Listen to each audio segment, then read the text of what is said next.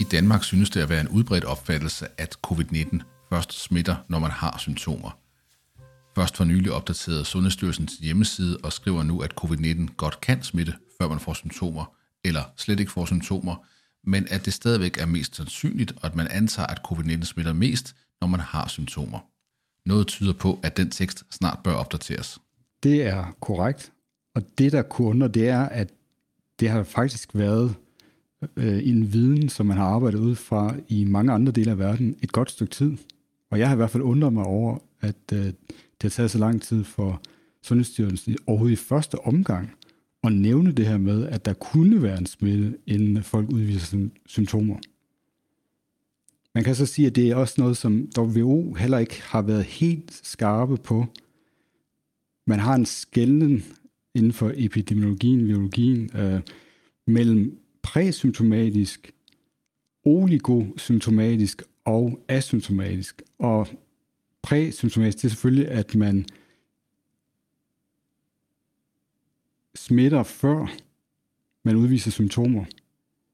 I den tilstand kan det jo så være svært at vide, om man i virkeligheden ender med at være asymptomatisk, fordi det jo, kunne jo godt være, at man faktisk fik symptomer siden hen.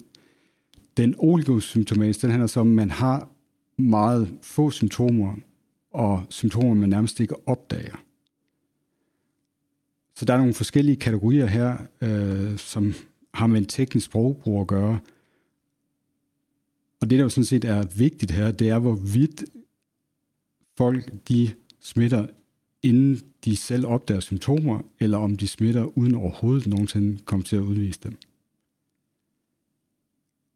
Og det vi kunne håbe på, det var, at, øh, at hvor Sundhedsstyrelsen længe fastholdt, at det nok ikke var tilfældet, og det tog lang tid at opdatere, så kunne vi måske håbe på en lidt hurtigere reaktion nu, når øh, der lader til at være en international øh, videnskabelig konsensus nu, der har udviklet sig, der hedder, at den her øh, asymptomatiske, præsymptomatiske smitte faktisk lader til at være temmelig vigtig i forhold til covid-19. Ja, fordi det er jo afsindig vigtigt at vide, om den her virus smitter, før vi overhovedet føler os syge. For hvis vi først begynder at agere som smittebærer, når vi er syge eller føler symptomer, jamen så kan vi jo, viser det sig, gøre sandsynligvis smitte i flere dage, før vi øh, selv føler sygdom. Måske ovenikøbet smitte endnu mere, før vi får symptomer, end efter vi får symptomer. Øh, det udtrykker meget godt, at den her covid-19-virus, den er, eller SARS-CoV-2-virus, øh, er temmelig udspekuleret. Det kan måske være farligt at tilskrive den sådan nogle menneskelige egenskaber, som at være udspivlede. Og øh, der er en øh, fyr, der hedder Janir Bayam, han er leder af New England Complex Systems Institute, og han var tidligt ude, helt tilbage i januar, og jeg tror, jeg, jeg måske har nævnt ham i en tidligere special, og advarer mod den her pandemi, blandt andet sammen med Nassim Taleb. Og han sagde for nylig i, et, øh, i en video-interview, at øh, der er ikke noget subtilt over den her virus. Og det er egentlig en meget øh, god karakteristik. Ikke? Den virus, den er bare, hvad den er. Den, øh, den gør sine ting. Men det, som den lader til at øh, kunne udnytte, det er det, som øh, vi tidligere har kaldt for et øh, epistemisk exploit. Det er, at den faktisk ikke kun udnytter vores øh, biologi til at replikere, men den faktisk udnytter svagheder eller sårbarheder i vores øh, øh, Øh, begrebsapparat inden for epidemiologien og inden for biomedicin og metoderne, forskningsmetoderne. Fordi den, den og på den måde kan man sige, den, øh, den snyder os simpelthen, og den har snydt øh, biomedicin, og det her med den præ- og asymptomatiske smitte er et eksempel på det, hvor at antagelserne om, at det ikke foregik, var så stærke, at det tog noget tid, før at man faktisk øh, fik, øh, fik ryddet dem af banen og fundet ud af, at det er faktisk tilfældet. Så ved netop at have den egenskab fra virus side, så har den gået ind og udnyttet en sårbarhed i vores erkendelsesapparat. Så hvis den her virus ikke er udspekuleret eller og det ved vi jo, en virus har ikke nogen form for intelligens, den ved ikke, hvad det er, vi gør for at slå den ihjel og for at undgå spredning. Øh, og alligevel synes den snu, det er som om, at den nærmest har forudset, hvad det er, vi, øh, vi prøver på. Øhm, det er jo en evolutionær ting, altså der opstår konstant nye virus, øh, hele tiden, alle mulige steder, øh, i, i, ikke, ikke mindst i forskellige dyr. Øhm, Og, og vi har jo gennem årene opbygget et beredskab, der har fanget rigtig mange af de her potentielle epidemier og pandemier. Vi har faktisk vendet os til, at vi, vi plejer at nappe dem i opløbet, og føler os derfor ret sikre. Øhm, men omvendt set, det er jo givet, at på et eller andet tidspunkt, så vil der være et virus, der kvæg mutationer og, og hele det evolutionære maskineri, helt banalt evolutionær øh, metode, bare rammer en, en række egenskaber, der gør, at den slipper igennem nettet. Øh, og de egenskaber snyder både vores, øh, vores biomedicinske viden, men også vores sige, sociale mekanismer, der kan bremse en, en pandemi.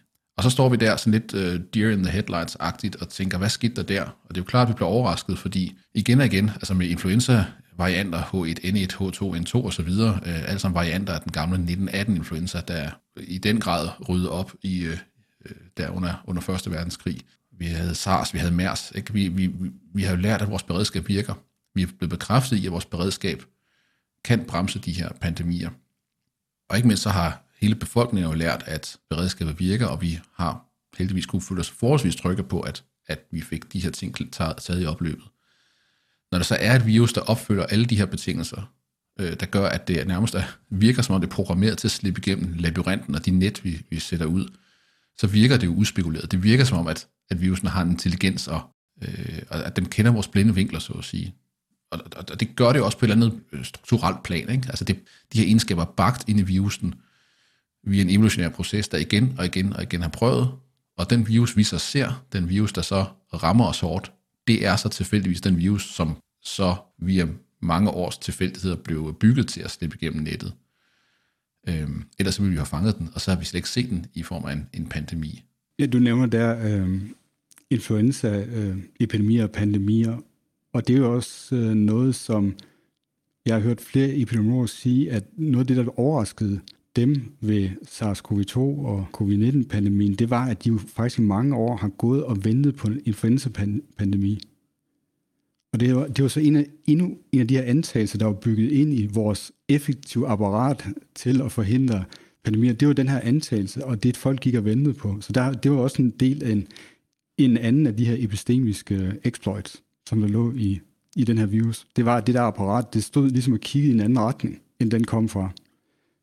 I forhold til det med, øh, hvornår virusen smitter, efter man er blevet øh, inficeret, så den gamle SARS, SARS Classic, SARS 1, den havde slet ikke det her element af den øh, præ- og asymptomatiske smitte. Så derfor var antagelsen også, jamen sådan en, en coronavirus som den her, som er farlig, jamen den, den minder nok om SARS-1, og den, øh, den havde en anden profil.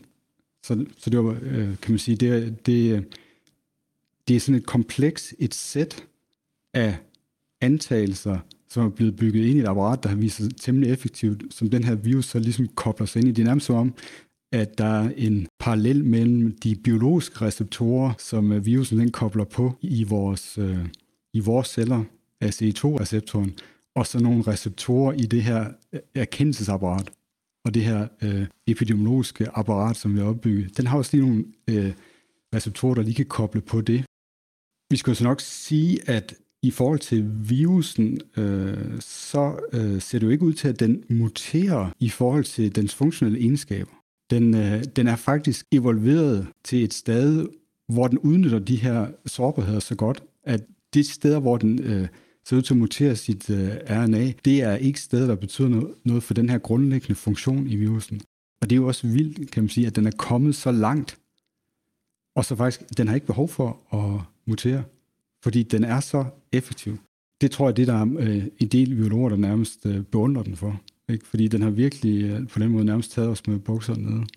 Der er en, en, en, en metafor, jeg godt lige kunne tænke mig at inddrage, og det er, øh, øh, man har snakket om øh, nærmest efter hver større krig, at øh, generalerne udkæmper den sidste krig. Og øh, som for eksempel, øh, da franskmændene byggede Maginot øh, forsvarslinjen, efter Første Verdenskrig, for igen at kunne forsvare sig mod et Tyskland under fremrykning. Der byggede man et forsvarsværk mod en krig, man havde udkæmpet. Og man stod fuldstændig overrasket, da Hitlers øh, ekstremt mobile her rykkede ind via Belgien nord om Frankrig, rundt om Maginot-linjen. Hvad var den nu af? En her, der kunne bevæge sig hurtigt, og ikke bare øh, løbe direkte ind i den mur, franskmændene havde bygget. Og, og franskmændene blev jo, for at bruge dit udtryk, taget med bukserne nede. Og det er lidt det samme her. Vi har, vi har forberedt os på at bekæmpe Øh, en type virus og en type epidemi, som vi kendte, hvor vi måske skulle have forberedt os på at bekæmpe det ukendte. Vi skulle have forberedt et meget mere agilt og mobilt forsvar. Det er faktisk rigtig sjovt, du nævner Machine fordi du og jeg har jo ikke talt om den øh, metafor, men den begyndte jeg faktisk at bruge også øh, om, om, om det, der skete i forbindelse med pandemien. Og netop det, det, det virker som om, at sundhedsmyndighederne, de var ligesom franske her, der havde gravet sig ned der ved Maginot mens, øh, mens Hitlers øh, mekaniserede tropper, de bevægede sig ind igennem Belgien. Det, som der yderligere ligger i spørgsmålet her om, hvorvidt der er den her asymptomatiske eller præsymptomatiske smitte, det handler også om, om, hvad det er for en risiko, vi udsætter os for ved at tage fejl. Og der er vi igen tilbage ved det der spørgsmål om asymmetrisk risiko, som vi også har taget fat i i forhold til smittevejene. Og det, det jo ser ud til her, det er jo, at der var en antagelse, en hypotese, en teori om, at der ikke var asymptomatisk øh, og præsymptomatisk smitte, eller i hvert fald ikke betød særlig meget. Og spørgsmålet er så, hvor kostbart er det at tage fejl i forhold til det? Og det har jo så vist sig, at det var faktisk en temmelig kostbar fejltagelse at holde fast i den antagelse. Det ville have været en langt mindre kostbar fejltagelse, hvis man tidligt havde anerkendt, at vi ved det faktisk ikke, om det er en, øh, en væsentlig faktor her, og så begynde at agere ud fra, at det kunne være en væsentlig faktor. Det kunne faktisk nok have nedsat øh, både de menneskelige og økonomiske omkostninger på global plan. En, en anden parallel, hvis vi nu bliver lidt i, i krigsmetaforerne, er jo, at en efterretningstjeneste vil, øh, vil ikke begå samme fejl. En efterretningstjeneste, når man læser øh, spionberetninger fra den kolde krig, så tænker man, det var de mest absurde teorier, amerikanerne for eksempel udviklede om, hvad russerne var i stand til man, man, man gik langt for at undersøge, om de her absurde teorier holdt. For eksempel kunne russerne udføre psykisk krigsførelse. Kunne de ved, ved, ved bare bruge tankekraften slå amerikanere ihjel? Man gik langt for at undersøge, om det var en mulighed. Vi siger, det er jo helt vanvittigt. Hvorfor brugte man penge på det? Fordi man forstod det asymmetriske. Det kan godt være, at det var helt utroligt usandsynligt. Men hvad nu hvis? Så ville det være katastrofalt. Og derfor var det faktisk bizart nok, pengene og tiden ved at undersøge muligheden for, om det kunne lade sig gøre. Og først når man fandt ud af, at nej, du kan ikke slå en ged ihjel ved bare at stige på den, så kunne man lægge det til side på hylden i et arkiv og sige, nu har vi testet det. Det er nok ikke derfor, faren kommer. Og måske skulle man kigge lidt på de absurditeter og forberede sig på pandemier lidt mere på den måde. Gå lidt længere ned af de lidt mere absurde stier, før man sagde, nej, den næste pandemi kommer til at opføre sig ligesom den, vi kender. Jeg tror, der er noget andet vigtigt i at bringe de her militære analogier på banen, og, og det er jo det er jo den forskel, der er mellem, hvad, hvad skal der til for, at man kan agere operationelt i sådan en, en scenarie, der udfolder sig, og hvad det, man så bliver belønnet for inden for en videnskab. Og der har vi nok også set et clash, og jeg tror, det er en problematik, som vi tager op ved en senere lejlighed, fordi den er så interessant i sig selv. Men i den her sammenhæng med, med asymptomatisk smitte, hvis man skulle have gjort noget af det, som du foreslog der, så var det jo tidligere sagt, jamen, vi ved ikke, om det er tilfældet. Det kunne være tilfældet. Hvis det er tilfældet, så har vi et stort problem. Derfor så et, bruger vi ret mange kræfter på at få afdækket det spørgsmål nu. Og det næste, det var at sige, jamen, det vi så gør allerede nu, inden vi afhand, øh, afklarer det her spørgsmål, det er, at vi handler ud fra, at det var, er tilfældet. Og det, kan man sige, det var så også det, man gjorde under den kolde krig. Altså, jamen, vi, må, vi må hellere antage, at, øh, at Sovjetunionen har gang i udviklingen af de her mærkelige øh, psykovåben. Så, så vi går i gang med at handle ud fra det allerede nu. Så overført til covid-19-situationen, det ville have været meget fornuftigt at antage, at den her voldsomme smittespredning, man så i starten, faktisk skyldes, at den her virus opførte sig anderledes end de virus, vi kender. Det kunne for eksempel være, at den smittede præsymptomatisk. Det kunne forklare en del af den her spredning. Næste logiske skridt ville så være at indføre et maskepåbud i det tilfælde, at der var tale om præsymptomatisk smitte. Fordi masker vil ikke påføre os et særligt stor, en særlig stor omkostning. Det vil være lidt besværligt. Det kunne være, at man så lidt dum ud. Masker koster måske en smule penge. Men det vil ikke på nogen måde stå i forhold til de omkostninger, vi skulle opbære, hvis det viste sig, at smitten faktisk skete præsymptomatisk. Og omkostningen ved, at hele befolkningen eventuelt skulle gå med mundbind i bestemte situationer, som nu kan karakteriseres som særlig risikofyldte. Det er jo faktisk noget, vi kan regne ud, hvor meget det vil koste. Det, det kan vi simpelthen sætte et tal på, hvad risikoen ved det, eller hvad omkostningen ved det er. Givet den viden, der nu er om virus og hvordan den her sygdom den udvikler sig, og også givet især som du også nævner, øh, uvidstheden omkring senfølger og potentielle kronikere, som vi måske kan få mange af, så kan vi jo ikke sætte nogen som helst øvre grænse på, hvor meget det vil koste. Og det er en, præcis den der asymmetri, der er, hvor at, at vi kan faktisk, øh, vi kan faktisk bounde meget mere præcist, hvad vil omkostningen ved at dække af ved hjælp af den intervention være, end hvis vi begår fejltagelsen og tror, at det ikke, ikke er tilfældet. Det er simpelthen det, er det der karakteriserer den her asymmetriske risiko. Og det kan man sige interessant i sådan historisk perspektiv i forhold til, hvordan det har udfoldet sig med pandemien. Mange af dem, der også var tidligt ude og advarede, det var faktisk øh, det var venturekapitalister fra Silicon Valley. Og det er faktisk en indgroet måde for dem at tænke på. Og det handler om det der med, at de kommer med en begrænset investering. De ved, at vi investerer så meget, det kan godt være, at det er fuldstændig spildt, men vi satser det på noget, hvor det kan være, at der er en kæmpe positiv upside vores satsninger her, det er jo så igen det samme som, at hvis vi satsede på at bruge mundbind, og det faktisk virkede, så er der nærmest ingen grænser for, hvor stor en besparelse, hvor stor værdi der vil blive genereret af det. Hvorimod vi kan sige, omkostning i form af udgifterne til at producere dem og distribuere dem, og så besvære en befolkning, dem kan vi, dem kan vi sætte nogle ret øh, klare grænser for, hvad det i virkeligheden vil koste. Og det er jo peanuts i forhold til alle de andre afledte omkostninger, som den her pandemi har. Med mindre man tænker som en politiker, fordi de fleste politikere bryder sig ikke om at komme med et statement eller en anbefaling, og så skulle gå ud og lave den om og sige, vi anbefalede masker, men de virker faktisk ikke. Og jeg er lidt nervøs for, at det er det, der gør sig gældende her.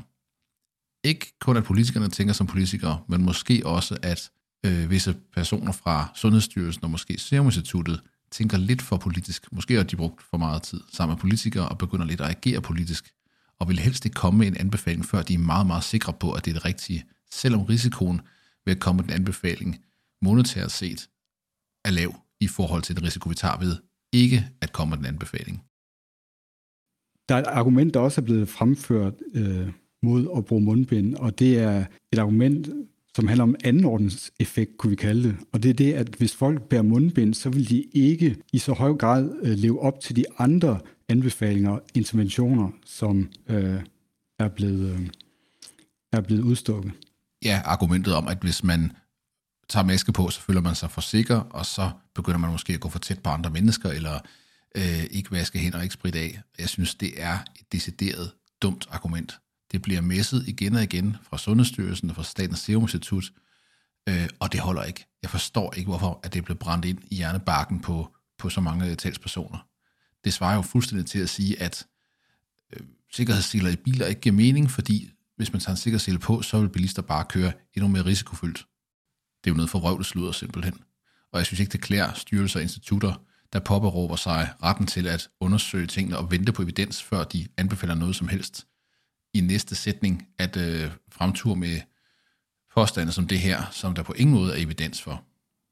Nej, jeg har simpelthen ikke, øh, heller ikke kunne forstå det. Øh, og, og det er der så også andre, der ikke kan, øh, og inden for biomedicin, fordi netop øh, her inden for de sidste få dage, så er der et, øh, en lille analytisk artikel, kommentar i British Medical Journal, som faktisk siger, at der stiller spørgsmålet om, om der optræder sådan en risikokompensation øh, øh, i forbindelse med, øh, med sådan en intervention, og de siger simpelthen, jamen det holder ikke, øh, det her argument om, at folk skulle udvise mere risikoadfærd, hvis de har mundbind på, og så lister de simpelthen studie efter studie, og de laver faktisk en, en lille øh, review, en lille metaanalyse, som siger, jamen der, der er simpelthen ikke, øh, det er der ikke belæg for at hæve den.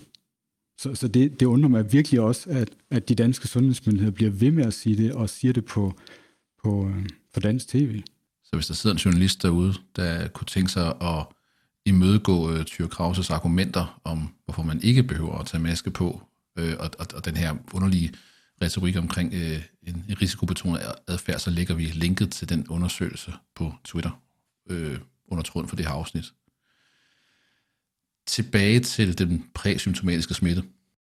Vi er med på, at virus kan ikke fra den ene til den anden dag bare ændre sig, fordi vi ændrer vores forsvar. Så begavet er en virus ikke. En virus er øh, er ikke bare dum, den er mindre end dum. Det er en klump RNA-kapsel ind i noget protein og fedt.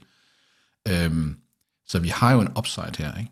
Vi har en virus, hvor dens, øh, dens offensiv og den strategi er ligesom bagt ind i, øh, i dens konstruktion, ned på et helt primitivt plan.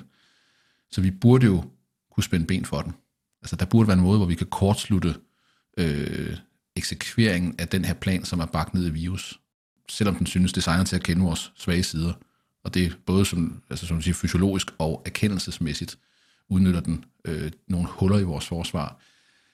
Så kan vi på en eller anden måde designe en ny tilgang, som spænder ben for de metoder, som den her virus er konstrueret på? Det er der også en indikation af, og så sent som i går kom der et, øh, en artikel, et preprint fra Muj Sevik. Hun er på St. Andrews Universitet i Skotland, og hendes øh, medforfatter. Og det er en analyse på baggrund af andre studier, så de kigger på tværs af andre studier, en såkaldt metaanalyse. Og det handler om, øh, om SARS øh, CoV-2's viral dynamik, det vil sige, hvordan udvikler virusbelastningen sig hos folk, der er blevet smittet over tid. Og det er et helt tydeligt resultat for deres øh, forskning her, at der, hvor det er rigtig interessant, det er at kigge på dag 0-5, inden eventuelle symptomer sætter ind. Og det er jo præcis den her præasymptomatiske smitte, der handler om. Og det, når man kigger på tværs af en masse andre studier, det der åbenbarer sig der, det er faktisk det der med, at virus ser ud til at toppe cirka et par dage, inden folk eventuelt udviser symptomer. Og, men der er så faktisk nogen, der har arbejdet på, øh, og kreativt, synes jeg, rigtig kreativt på at se, om man kunne, øh, kunne gøre noget her. Jeg hørte det i et øh, podcast, der hedder This Week in Virology, som jeg helt klart kan anbefale, at man lytter til her under pandemien. Og de havde en gæst, der hedder Michael Mena, og han er på Harvard. Han arbejder med epidemiologi der. Og ham og hans gruppe, de har kigget på øh, forskellige test for SARS-CoV-2, altså for covid-19. Og den test, man jo ofte hører noget om, det er den her PCR-test, øh, som øh, man også kan få, få foretaget her i Danmark. Det er egentlig en klinisk test, der kan påvise øh, virus ved ret lave niveauer, men det er også en ret dyr test, og det tager noget tid at udføre den. Og det de så har kigget på, det er at sige, kunne vi lave billigere test, der er knap så følsomme, men som man kan bruge med langt højere frekvens. Og det kan man faktisk. Man kan lave sådan nogle test, som er en, en papirstrip med nogle proteiner på i en lille plastikkasse, og øh, dem kan man øh, lave ned til en pris måske 5-10 kroner. Og deres forslag er så, jamen, hvad nu, hvis vi simpelthen tæppebumpede befolkningen, eller skolebørn, eller folk, der arbejder i sundhedssystemet, øh, med de her meget billige test, og så kunne man faktisk tage en test hver eneste morgen. Og det smarte ville så være, at selvom testen ikke er så følsom som PCR-testene, så på grund af viral dynamik, så selvom man ikke fanger den, den første dag, så kommer ens virale niveau op på et, øh, eller viral belastning op på et niveau inden for et, et par dage måske af den her gennemsnitlig femdages periode, hvor det så vil stå ud på de her test. Og det de så forestår, det er, at hvis man så får en positiv på den her hjemmetest, så tager man så videre og får taget en af de dyre PCR-test for at få den bekræftet. Og det vil jo skabe en helt anden, øh, meget mere agil tilgang til det, hvor en principielt enhver øh, borger kunne tjekke sig selv hver eneste morgen, og dermed være med til at fange den her præ- og asymptomatiske smitte noget af det, der så desværre står i vejen for at tage den her metode til sig, som øh, Michael Minner og hans gruppe de anbefaler, det er, at i USA, der har uh, the FDA, altså amerikanske lægemiddelstyrelsen, virkelig hængt i bremserne, når det handler om test. Og det startede helt tilbage i starten af pandemien, hvor der egentlig var universitetslaboratorier, der var klar til at uh, begynde at udføre PCR-teste, men fordi de ikke var godkendt til at lave kliniske tests, som altså man bruger i øh, sundhedsvæsenet, så måtte de ikke lave dem.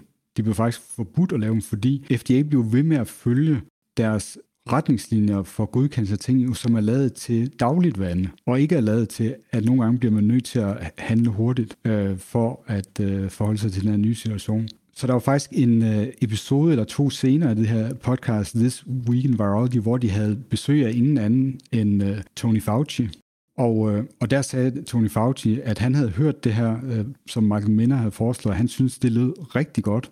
Og selv han måtte jo så opfordre uh, the FDA til ikke at lade det perfekte være des, uh, det godes ven, værste fjende, i og med, at the FDA så vil holde fast i, at test, de skal have en vis følsomhed, før vi overhovedet kan godkende den. Fordi man bliver inden for en for snæver betragtning, der er lavet til den kliniske sammenhæng, og ikke til den her screening-sammenhæng.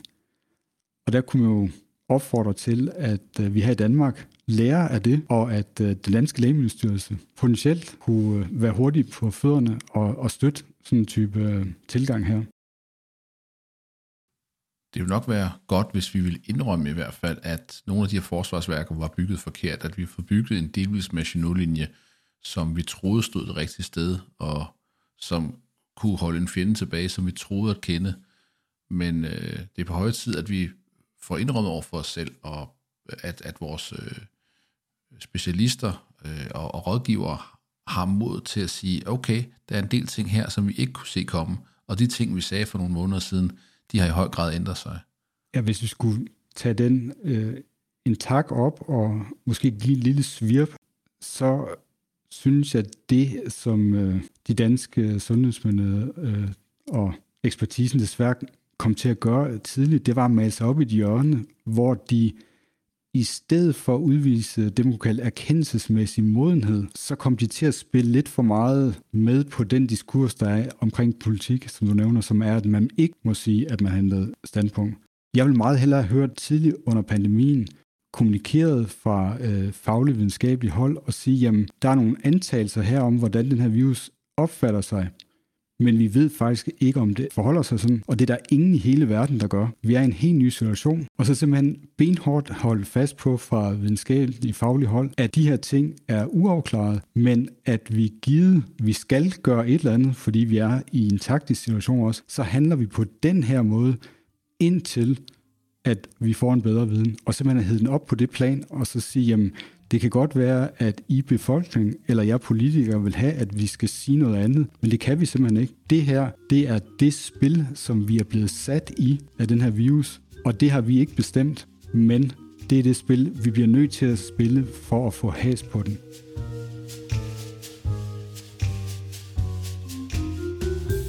Som sædvanligt er holdningerne vores egne, men fakta vil vi gerne underbygge med kilder. Og kilderne kan du finde på Twitter, på profilen Silverblom. Her poster vi generelt show notes, og vi hører meget gerne kommentarer, spørgsmål og kritik.